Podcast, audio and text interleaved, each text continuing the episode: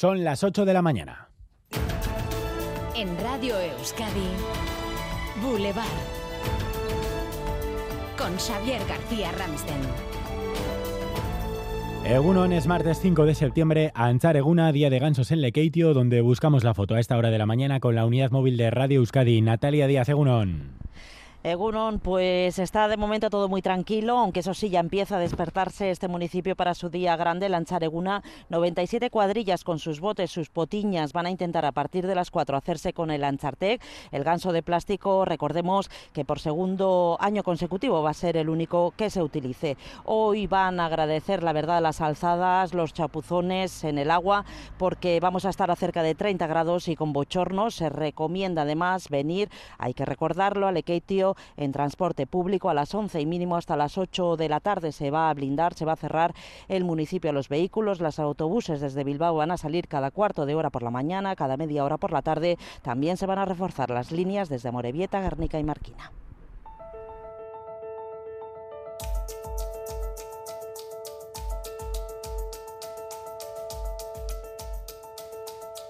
Esta mañana abre periódicos la entrevista que ayer mantuvimos en Boulevard aquí, en Radio Euskadi, con el Endacari Ñigo Urcuyu y que nos dejó varios titulares. Mirando a Euskadi, esta mañana se destaca la denuncia que hizo el Endacari del contrapoder que ejercen a su juicio EH Bildu y el sindicato ELA.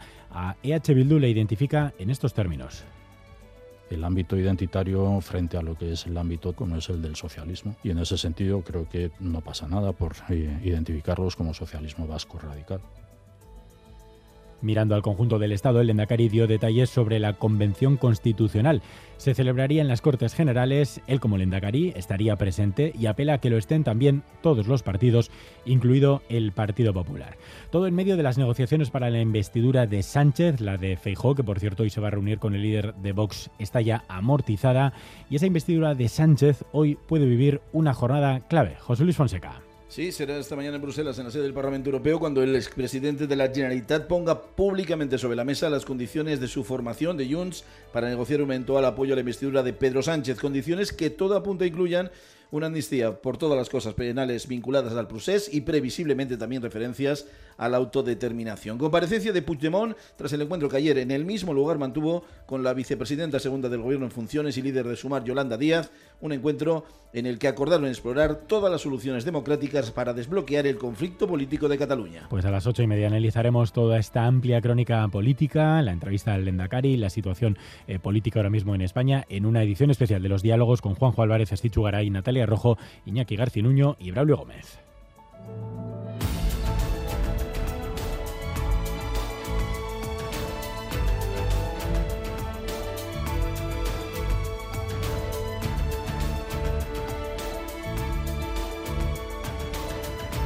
Además, seguimos muy pendientes de la situación en Aro, donde un atropello en el parking del centro de salud provocó anoche una víctima mortal. Ocurría en torno a las diez y media de la noche. El conductor de un vehículo accedía al parking a gran velocidad y, según los testigos, gritando mensajes en contra del gobierno. Un sanitario fallecía, dos de los heridos están en estado grave. Enseguida vamos a estar en directo en Aro. Además, el Boletín Oficial del Estado podría publicar hoy la orden para obligar a las compañías de autobuses a cubrir las líneas de transporte escolar. El 98% de las líneas de Guipúzcoa ya están garantizadas. La orden afectaría a las de Vizcaya y Álava, las compañías consideran que las condiciones económicas que plantea el departamento no son suficientes. El número de personas en paro ha aumentado durante el mes de agosto, casi 2.500 inscritos más en la Envide. Se han perdido 12.200 afiliados a la Seguridad Social. En Navarra, 13 parados más y se han perdido 800 cotizantes. Los sindicatos recuerdan que la temporalidad no ha desaparecido con la última reforma laboral. Alfonso Gurpegui, viceconsejero de Empleo del Gobierno vasco siempre ha explicado lo excepcional de los datos de este primer semestre y lo habitual del frenazo que se sufre habitualmente en verano. Mantenemos la convicción de la solidez del empleo que se ha construido en este tiempo.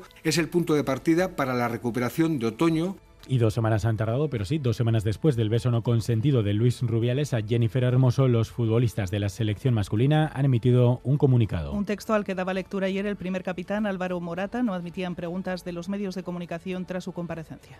Queremos lamentar y expresar nuestra solidaridad con las jugadoras que han visto empañado su éxito. Queremos rechazar lo que consideramos unos comportamientos inaceptables por parte del señor Rubiales, que no ha estado a la altura de la institución que representa. Y una información de última hora, ha fallecido la periodista María Teresa Campos. Tenía 82 años, el pasado fin de semana fue ingresada en un centro sanitario debido a una insuficiencia respiratoria aguda. Además, esta mañana queremos ahondar en esa imagen del día que seguro han visto ya, una imagen de Ausolán, sin duda.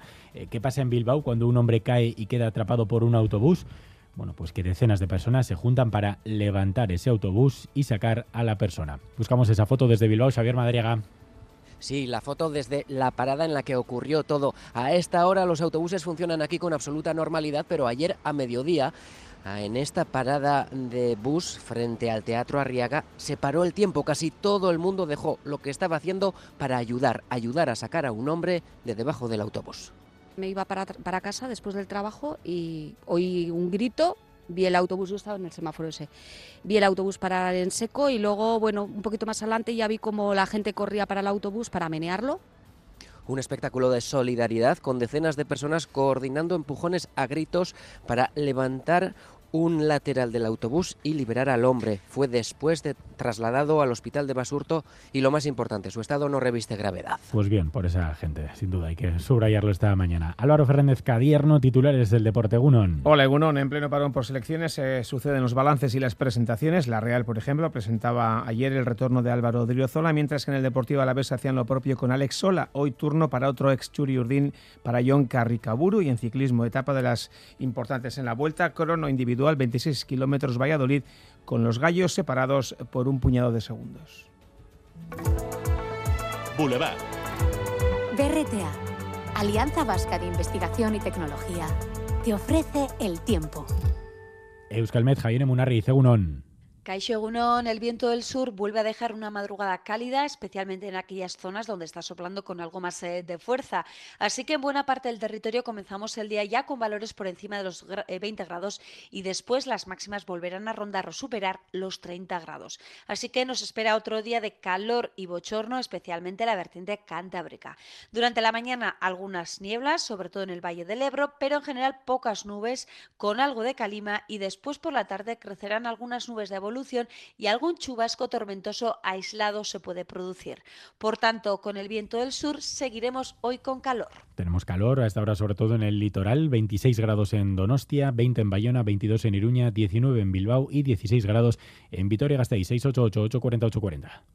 Egunon, Irurita 92 grados. Eso Egunon, en los arcos 20 grados. Aupa, agur. Egunon, Zayan, amazazpi gradu. A esta hora además, a eso de las 8 de la mañana, ha comenzado el desembalse del Eugui en Navarra para mejorar la calidad del agua. Eh, un desembalse que nos va a dejar seguro imágenes espectaculares. Junto a esa presa está Arich Aguirre. Uno, Arich.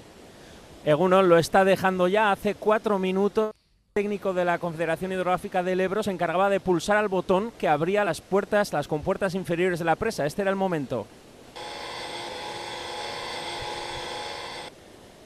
Y en este momento ya sale a presión el agua por esas compuertas inferiores, el agua de un embalse que está al 91% y que está generando, lo tenemos al lado, corrientes vivas que bajan hacia larga. Tenemos que recordar que se hace anualmente, salvo el año pasado que hacía sequía, 170.000 metros cúbicos de agua para durante tres horas limpiar del embalse, limpiar el hierro, el manganeso y los metales pesados. Veremos durante el día breve, bonitas estampas de piragüistas que aprovechan estas corrientes bravas en el larga. Gracias, Saritz. Casi parece que nos estabas contando el encierro de San Fermín. Luego volveremos contigo para ver cómo va ese desembalse.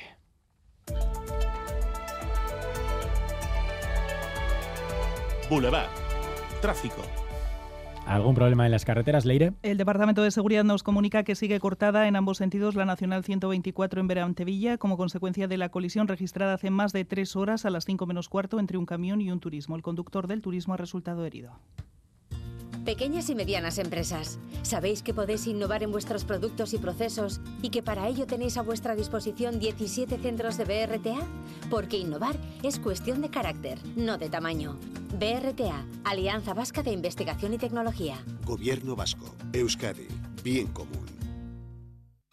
Ayúdanos a mejorar nuestra información con tus comentarios, fotos y vídeos. Envíalos al WhatsApp de Radio Euskadi 688 840 840.